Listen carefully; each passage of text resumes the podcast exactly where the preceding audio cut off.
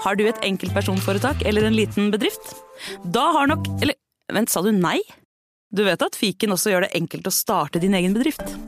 Fiken superenkelt regnskap. Ja, og hjelp til å starte egen bedrift, da.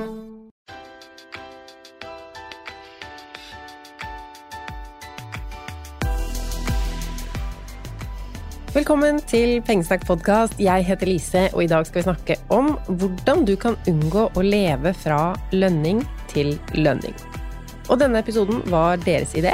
Jeg spurte på Instagram hva dere ville høre om i poden denne uka, og tre av forslagene tok jeg inn i en avstemning der det var helt tydelig at um, alternativ én, prosessen med å snu leve fra lønn til lønn til å komme i forkant, ble den klare vinneren. Og det er et tema jeg gjerne vil snakke om også. Selv har jeg aldri levd fra lønning til lønning. Og jeg kunne heller aldri tenke meg å gjøre det, så derfor vil jeg gjerne ta med deg over i min tankegang og min måte å tenke økonomien mer helhetlig og se litt større på tallene. Faktisk så har jeg et ganske tidlig pengeminne rundt akkurat dette med å leve fra lønning til lønning. Jeg var på besøk hos noen eh, vi kjente, og dattera fortalte meg at hun skulle få en ny olabukse når moren fikk lønning. Og det var et helt nytt konsept for meg å skulle forholde seg til en lønningsdag um, som eh, en dag man skulle få noe. Og en av måtene jeg nå ser hvordan jeg har lært økonomi hjemme på, handler også om hva jeg ikke har lært. Eh, mamma har fortalt meg i ettertid at jeg dro hjem og spurte når får du lønn, mamma? For vi eh, tenkte ikke sånn eh, hjemme hos oss, eh, men jeg har jo hørt og skjønt at sånn er det hos mange. På lønningsdag fyltes kjøleskapet opp, man unner seg noe ekstra. Det er rett og slett en liten lønningsdagsfest. For å bruke et begrep fra episode syv av denne podkasten, så vi har snakka om dette før. Hva mener jeg med lønningsdagfest? Har du Jeg har noen kontor i DNB, og de skal jeg nå henge ut litt. Eller jeg mener de bidrar til at vi tenker måned til måned i økonomien, og jeg mener at det ikke er lurt. Det kan hende de mener at det er lurt, eller at de bare vet at mange tenker sånn på sin egen økonomi. For det er to ting de gjør i mobilbanken som jeg syns er eh, rart og litt negativt. For det første så er det sånn at når du logger deg inn i mobilbanken, det første tallet du ser, er det de har regnet seg fram til at kontoen din står i rett før neste lønning. Eller er det ut måneden? Og det gjør at jeg kan få litt kaffen i halsen, fordi jeg tror at jeg har negativ saldo på kontoen, for der kan det stå minus 2000 eller noe sånt. For det her regnestykket, altså saldoen i dag minus fakturaer som de ser skal forfalle, de vet jo ikke om alt forbruket man har, men uh, fakturaer de veit jo ikke om jeg har planlagt å få mer penger inn før det de kaller lønning, kommer igjen. Og jeg ser jo at det er noe positivt med det her, det skal de få, eh, og det er jo at vi rekker å ta grep før kontoen faktisk er i minus. Men for meg så blir det litt sånn å, der står det et minustall, er jeg i minus, hva er det som har skjedd her nå? Og så bidrar det også til det bildet at bare jeg ikke er i minus før lønning, går det bra denne måneden, så er neste måned neste måneds problem. Og det liker jeg ikke. Jeg vil tenke mer helhetlig på min økonomi. Det andre i denne mobilbanken er at alle transaksjoner ser helt like ut. Det er en liste med hvite ord på svart bakgrunn. Eller sikkert omvendt hvis du ikke har på sånn eh, svart modus, men penger ut er hvite, penger inn er grønne. Det er veldig fint. Og så, det som DNB tror her er lønna mi, det er barnetrygden fra Nav, den er plutselig utheva med konfetti, kronestykker, sløyfebånd som liksom hopper rundt, og noen hundrelapper som flyr. Det ser skikkelig ut som lønningsdagfest. Det ser ut som jippi, penger inn, hva skal jeg kjøpe? Jeg skulle ønske at det så ut som en vanlig transaksjon, som det jo er. Det er ikke noe grunn til feiring for at det kommer penger inn på konto. Nok om den eh, nettbanken, men det er de poengene der jeg vil dele med deg i dag, at det er ikke noe grunn til å behandle lønningsdagen som en fest. Du har ikke fått en uventa pengegave. Det er ikke noe mer tillatt å unne seg noe på en lønningsdag eller rett etter.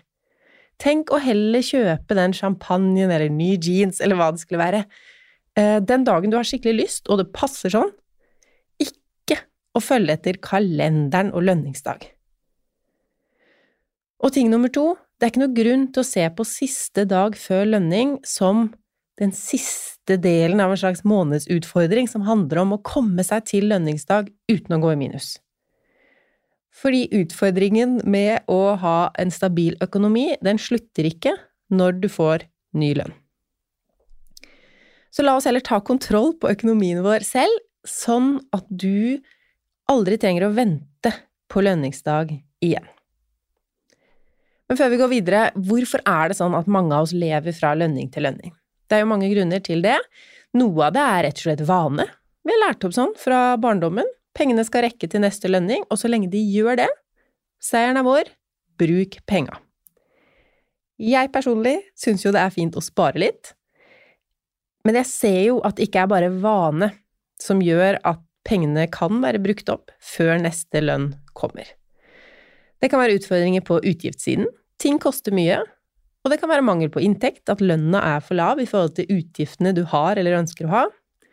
Det kan også handle om at man ikke har en plan, du har ikke noe mål, eh, og det kan være noen ganske små økonomiske uvaner som vi kan finne en måte å droppe. Når man skal slutte å leve fra måned til måned, så er jo en ting som eh, man fort tenker på, er budsjett. Hva syns vi egentlig om å lage et budsjett? Jeg har jo gjort det de siste månedene, eller altså i år, og jeg mener at når det gjelder å ikke leve fra måned til måned, så er det ikke nødvendig med et detaljert budsjett. Men det kan være et hjelpemiddel som viser deg veldig tydelig bilde på hva du har til rådighet og ikke. Hvorfor går du ikke i pluss? Hvis målet ditt er å bli rikere og rikere over tid, så må vi jo spare litt hver måned. Ja, det er flere måter å bli rik på. Du kan finne opp noe kjempebra, selge businessen din dyrt om noen år, og så boom, er du rik. Men for de fleste av oss, skal vi skaffe oss en formue, så må vi samle den opp over tid, og da er det sparing hver måned som gjelder. Og har du hørt på meg en stund, så kan du dette. Kom i gang med et automatisk sparetrekk fra kontoen du får lønn inn på, til kontoen du sparer på, eller til en investering etter hvert. Et lavt beløp er bra, vi bygger oss opp, vi bygger opp vår økonomiske selvtillit, vi bygger opp sparemuskelen vår. Ikke tenk at du skal vente til du har råd. Da tar du heller 30 kroner i måneden, altså. Når det er innarbeida og går bra, så øker du til 100, og så øker du mer når du finner noen uh, smarte grep til å spare, eller du tjener mer. Det er alltid mulighet for å øke et sparebeløp, men kom i gang med et lite. Og når det gjelder det her med budsjett, så kan vi jo tenke et veldig enkelt budsjett i hodet vårt, bare. Si du tjener 35 000 kroner i måneden, og du vet at nå går 15 000 til eh, boliglån, studielån og billån, kanskje de blir 15 000 til sammen, da har du 20 000 igjen. Eh, du bruker kanskje 5000 på mat, 5000 på barnehage og andre barnegreier. Da har du 10 000 kroner igjen. Halvparten av de går kanskje til faste ting, du ser hvilke faste utgifter du har, noen trekk som ikke er en del av lån, mat eller barn. Da har du 5000 kroner igjen av frie midler, kan vi kalle det. Skal vi spare 1000 av det foreløpig, og så ser vi neste måned hvor gikk pengene faktisk? Hvor realistisk var dette runde overslaget, og hva Altså, det viktigste med det enkle overslaget er egentlig å se hvor mye kan du spare. Så etter en måned eller to så kan du gjøre det mer nøyaktig, eller bare blåse i hele budsjettet hvis du ikke kjenner dette behovet for å planlegge hver eneste krone. Så trenger du ikke det, for min del. Så lenge du har en automatisk sparing, så er du på vei vekk fra måned til måned-tankegangen.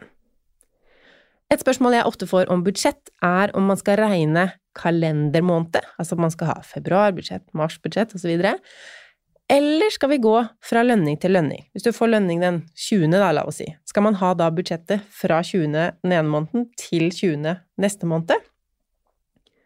Så her er vi inne i nå. Jeg vil jo at du skal ha såpass overskudd i økonomien din at det her spørsmålet ikke er relevant engang. Vi kan jo ha en episode um, om You Need a Budget, som er et firma, en app, en bok. Uh, en podkast òg, tror jeg de har. Um, YNAB, You Need a Budget, YNAB. Uh, de stemmer for å ha budsjett fra måned til måned. Nei, ikke fra måned til måned, men fra lønning til lønning, fordi du skal kun budsjettere for penger du faktisk har. Fordelen med det, eller utfordringen med å ha et budsjett som er eh, måned til måned, det er jo at hvis du setter opp da inntekten 30 000, var det det vi sa? Uh, oi, unnskyld. Og så har vi noen kategorier og beløp nedover. Kanskje har du satt av 1000 kroner til klær, la oss si. Og så er du på vei for å kjøpe nye støvler, og så merker du at det har du jo ikke råd til.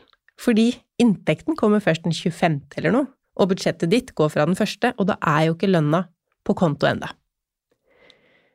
Derfor blir første arbeidsoppgave for deg å komme deg fra noe som ligner litt på at du ligger i etterskudd, til å være så i forkant at du bruker februarlønninga i mars, marslønninga i april og aprillønninga i mai, osv. Og, så blir jo oppgave to etter hvert, det kan ta litt tid å komme dit, altså, men den oppgaven er å komme så i forkant tenke så helhetlig livstidsperspektiv på økonomien din, formuebygginga di, at det ikke er relevant å tenke på hvilken lønn du nå bruker penger fra til å betale støvler eller hva det nå er du skal kjøpe. Skal vi lage en liste av det her? Jeg liker lister. Um, lag et budsjett, gjerne bare i hodet, med litt sånn store linjer. Hvor går penga? Har jeg noe overskudd her? Og så setter du opp en automatisk sparing. Øker den, eller uh, sjekker den, hvis du har en allerede. Og så kom så i forkant at du bruker forrige måneds lønn. Og da er det jo ikke noe utfordring å ha et budsjett for april, la oss si, for da har du jo saldo allerede 1. april nok til å dekke aprilutgiftene. Selv om lønninga kommer mye seinere, for det er jo da mai sine penger. Og for å komme såpass i forkant, det er jo lett for meg å bare si det, kom deg i forkant, men her må vi ha noen underpunkter for å få det til. Første jeg tenker på, hva med å kjøre en ekstrem sparemåned? Hvis du går litt bakover i podkastbiblioteket, så kan du høre om frossen februar. Der eh, blir lista opp mange grep du kan ta. Kan holde å ta bare noen av de grepene, men gjøre de litt over tid, sånn at du kanskje kan våkne opp 1. juni, la oss si, da, med en saldo som tilsvarer det budsjetterte forbruket for juni. Hvis du får igjen på skatten, har betalt inn for mye forskuddsskatt og får igjen en sum penger, så kan jo det hjelpe deg til en langsiktig bedre økonomi ved at du da bruker de pengene når de kommer, sånn at de pengene du vanligvis ville brukt, kan brukes til neste måned. Altså, det fordrer at vi ikke ser på penger tilbake på skatten som en slags lottogevinst og grunn til feiring, Feriepengene kan vi se på litt samme vis, og bruke de til daglig drift for å komme i forkant med pengene våre. Ferie er deilig, å komme i forkant i privatøkonomien er deilig. Hva med å bruke litt på begge deler? Skal jeg minne deg på hvorfor vi ikke ønsker å leve måned etter måned? Det handler om trygghet. Og så handler det litt om og når jeg sier trygghet, så mener jeg jo det eh, muligheten til å betale for noe. Hvis vi alltid er um, bare i den måneden vi er i, så har vi aldri en stor nok sum penger til litt større uforutsette ting som skjer. Og så er det litt det at du står på stedet hvil. Har du tenkt til å Altså, hvordan skal livet ditt være? Skal du ha den økonomien du har nå, hele livet, eller skal du på en eller annen tidspunkt komme deg litt ovenpå? Hva slags bolig skal du ha etter hvert? Hvilke muligheter, hvilken type frihet vil du ha i din økonomi og ditt liv? Ved å alltid tenke måned etter måned, så begrenser du dine egne muligheter, og gjør det vanskeligere å takle både uforutsette utgifter og alle Altså, du tåler ikke en trøkk hvis du ikke har bufferkonto. Så første spørsmålet Spørsmålet? Første um, oppgave blir jo å lage en buffer eh, på brukskontoen din. Altså at det er nok penger på brukskontoen som gjør at du lever på forrige lønning. Og så blir neste oppgave å lage en ordentlig buffer. En slags eh, en krisereserve. Et økonomisk sikkerhetsnett som befinner seg på en helt annen konto. Og når du har stor nok konto der, du har nok saldo på brukskontoen, da kan vi begynne å tenke investeringer, spare til egenkapital til bolig, eller hva som helst som er din store økonomiske drøm. Eller bare drøm. For så mange av drømmene vi gjerne vil virkeliggjøre, stoppes av at økonomien ikke strekker til. Og istedenfor å si ja, men det kan ikke jeg med min økonomi, det har jeg ikke råd til, det kommer jeg aldri til å få råd til, se på, altså still heller spørsmålet hvordan kan jeg få det til? Hvor mye koster det egentlig? Kan jeg gjøre det på en annen måte? Hvor langt fram i tiden kan jeg få det til hvis jeg gjør sånn og sånn og sånn? Gjør det du kan for å gi fremtidens deg et så godt utgangspunkt som mulig. Ok, som jeg var inne på, eh, det er ikke fordi du er teit at du tenker måned til måned i din økonomi. Eh, det er jo også ikke så rart, med tanke på at vi, de fleste av oss får lønn en gang i måneden, og veldig mange av regningene våre kommer en gang i måneden. Eh, men jeg mener allikevel at måned til måned ikke er greia. Vi må ha som mål i hvert fall å komme um, Altså å slutte hver måned i overskudd.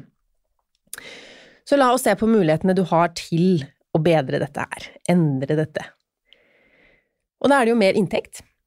Og mer inntekt trenger ikke å bety at du slutter å leve fra lønning til lønning. Det kan jo også bety at du bare bruker mer penger hver måned. Men med ditt nye tankesett nå, alt vi har snakka om i denne episoden til nå, så betyr det det. Mer inntekt hjelper på.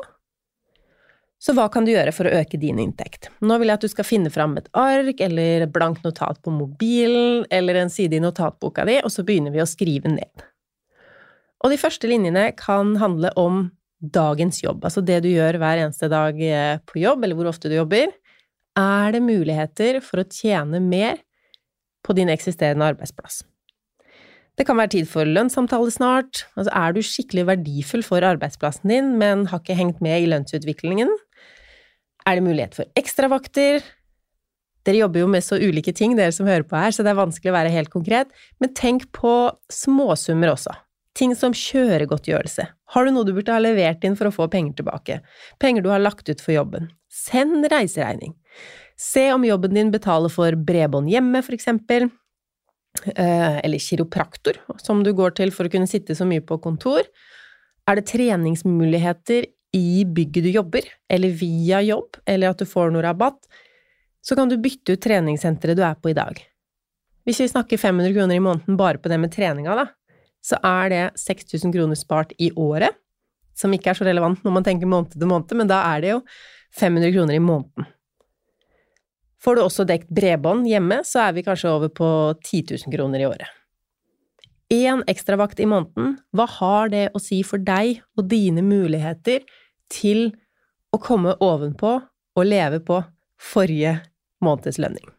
Så skriver du ned punktvis, for eksempel eh, spørre i neste medarbeidersamtale hva jeg kan gjøre bedre, og så, da sant, skal du jobbe med å gjøre akkurat det bedre, eller hvis de sier du er kjempeflink, du gjør mer enn vi hadde forventa, så er det bare å lagre den kommentaren i hjernen, eller på et papir, til lønnssamtalen, hvor du da presenterer at de ordrett har sagt at du overpresterer i din stilling.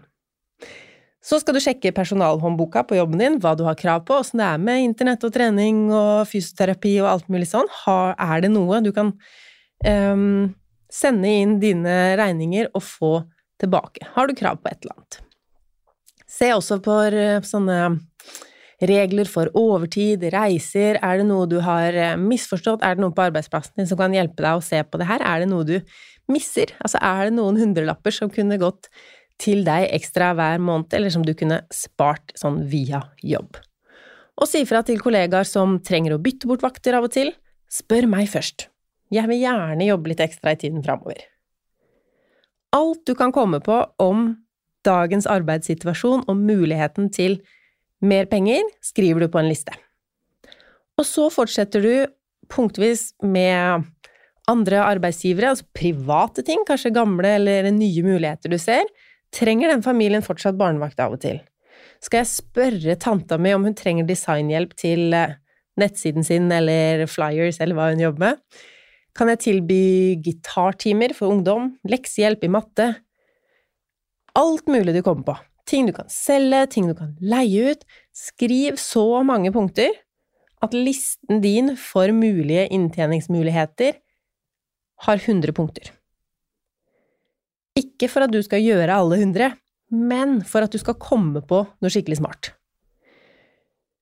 Bare skriv. Altså, for at du skal komme til det tallet 100, så må du også skrive ned ideer som er litt urealistiske. Plutselig kommer du opp med en businessidé som du nesten ikke har tenkt på selv, men du måtte bare komme på for å få det her til å bli 100 punkter. Målet her er jo å få inn litt ekstra penger i første omgang, men det kan jo også bli noe større. Og parallelt med at du gjør noen av punktene for økt inntekt, jobber du med å redusere utgiftene. Det er lett å tenke at redusere mobilregninga, det er ikke så viktig, det er ikke verdt tiden min, men klarer du å spare 200 kroner i måneden? Først og fremst er jo det mer på årsbasis, men det er 200 kroner på veien mot å komme i godt overskudd til neste måned. Og hvis du tenker at det er lettere å tjene mer, gjør gjerne det òg, men du må jo tjene mer enn 200 Eh, fordi 200 du bruker, det er jo 200 kroner etter skatt, sant? Så spar på mat, spar på klær, spar på underholdning, alkohol, interiør, dingser, utsett bilkjøp, altså alt mulig du kan komme på. Har du noe sånn dyr gjeld, som man kaller det, det eh, gjerne Lånekasse og boliglånet, som ikke klassifiseres som dyr gjeld, billån òg kanskje, mens dyr gjeld er da forbrukslån, kredittkort, private lån med en høy Altså kanskje alt med en rente på over 5-10 dyr gjeld. Når man lever fra måned til måned, så virker det litt dumt å bruke ekstra kroner på å betale ned gjeld. For det gjør jo, hvis du tenker på saldoen din, da, hvis lønninga di er på 25 000 eller 30 000, og så skal du øke betalinga på billånet eller kredittkortet, ja, da er det jo mindre igjen. Det ser jo ikke ut som man kommer i overskudd eh, måned for måned med å betale ned ekstra på gjeld. Og her er jo en av de store fordelene med å se større på økonomien sin, og se på det her lånet som um, en del av din livstidsøkonomi, og da ser du jo at det er dyrere å beholde det lenge, og billigere å beholde det kort, selv om de månedene blir trange. Samme med sånn å kjøpe ting på avbetaling. Hvis vaskemaskina di ryker, du har kanskje ikke den bufferkontoen din eh, enda, så får du jo valget, da. Skal du betale Hva koster en vaskemaskin? 9000? Er det så dyrt? Eh, la oss si den koster 9000. 9000 kroner nå, eller vil du betale 500 kroner i måneden? Er vi helt fast i den tankegangen måned til måned, så er jo det en no-brainer å velge 500 kroner i måneden. Det kommer jeg ikke til å merke. Bortsett fra at jeg har en ny vaskemaskin som funker, og det merker jeg veldig godt. 9000 kroner her og nå, det kommer jeg til å merke. Det, det, gjør jo hele månedens prioriteringer helt annerledes. Hvordan skal jeg klare det? 9000 kroner, det høres ikke smart ut. Har vi kommet oss over i det andre holdt jeg på å si verdenssynet, vi skal ikke overdrive det helt her, men den andre måten å eh, tenke økonomien din på, så er det jo mye smartere Eh, hvis du begynner å se på hvor mange 500-lapper blir det da når du skal betale det i månedsbeløp, sikkert veldig mye mer enn 9000 kroner totalt. Da er det jo helt logisk at du betaler 9000 kroner nå, istedenfor å holde på med det trekket hver måned i kjempelang tid. Så det er mye vi må gjøre, både sånn eh, tankemessig og praktisk og faktisk. Så det er kanskje lurt å sette opp en sånn Skal du ha en liten feiring når du kommer dit at månedens forbruk går 100% av forrige måneds lønn, og du har spart noe? Skal du lage deg et Excel-ark hvor du følger med på det her, et fargeleggingsskjema, et eller annet oppsett for å se hva klarer jeg å spare inn på? Hva klarer jeg å tjene ekstra på? Skal du ha en eh, venn du snakker med dette om for å motivere hverandre, ha noen å snakke sparestrategier med, det kan være veldig hjelpsomt. Og vær tålmodig. Hvis du nå er 36 år, det er bursdagen min når jeg spiller inn dette her, jeg blir 36 år i dag. Hvis du er 36 år og alltid har tenkt måned til måned i økonomien, så ikke tenk at dette snur du på 14 dager. Vær tålmodig. Å få kontroll over økonomien, det er ikke sånn som skjer fra en dag til en annen. Litt disiplin krever det. Um, men det er veldig verdt det. Og hvis du er villig til å jobbe for det, så kan du oppnå større grad av økonomisk frihet. Penger er muligheter og trygghet og færre bekymringer. Og derfor vil jeg unngå at du fortsetter å leve fra lønning til lønning. Og så vær realistisk i forhold til målene dine og tidshorisonten her. Ikke gi opp hvis du ikke når dem med en gang. Faktisk så er hver måned en ny sjanse. Og det er aldri for sent å begynne å ta kontroll over økonomien sin. Start i dag, og så før du vet ordet av det, så har du mer penger på kontoen din og mindre stress i livet ditt. Men da må du begynne å tenke på økonomien din på en annen måte. Ta kontroll over pengene dine, og begynn å planlegge for fremtiden. Takk for at du hørte på episoden i dag. Jeg gleder meg til å høre om du fant noen nye måter å tjene penger på i øvelsen vår, og om du ble motivert til å se på økonomien din i et større perspektiv enn måned til måned. Jeg legger en link i episodebeskrivelsen til um, å melde seg på nyhetsbrevet mitt, for da får du Uh, alltid vite hva ukas podkastepisode handler om, om det er noen nye filmer på YouTube. For det er ikke hver eneste uke legger, jeg legger inn noe på YouTube, så du trenger ikke å gå inn der og sjekke. Hvis du er på nyhetsbrevet, så får du mail om det og andre altså bloggartikler og spareting og litt sånn forskjellig.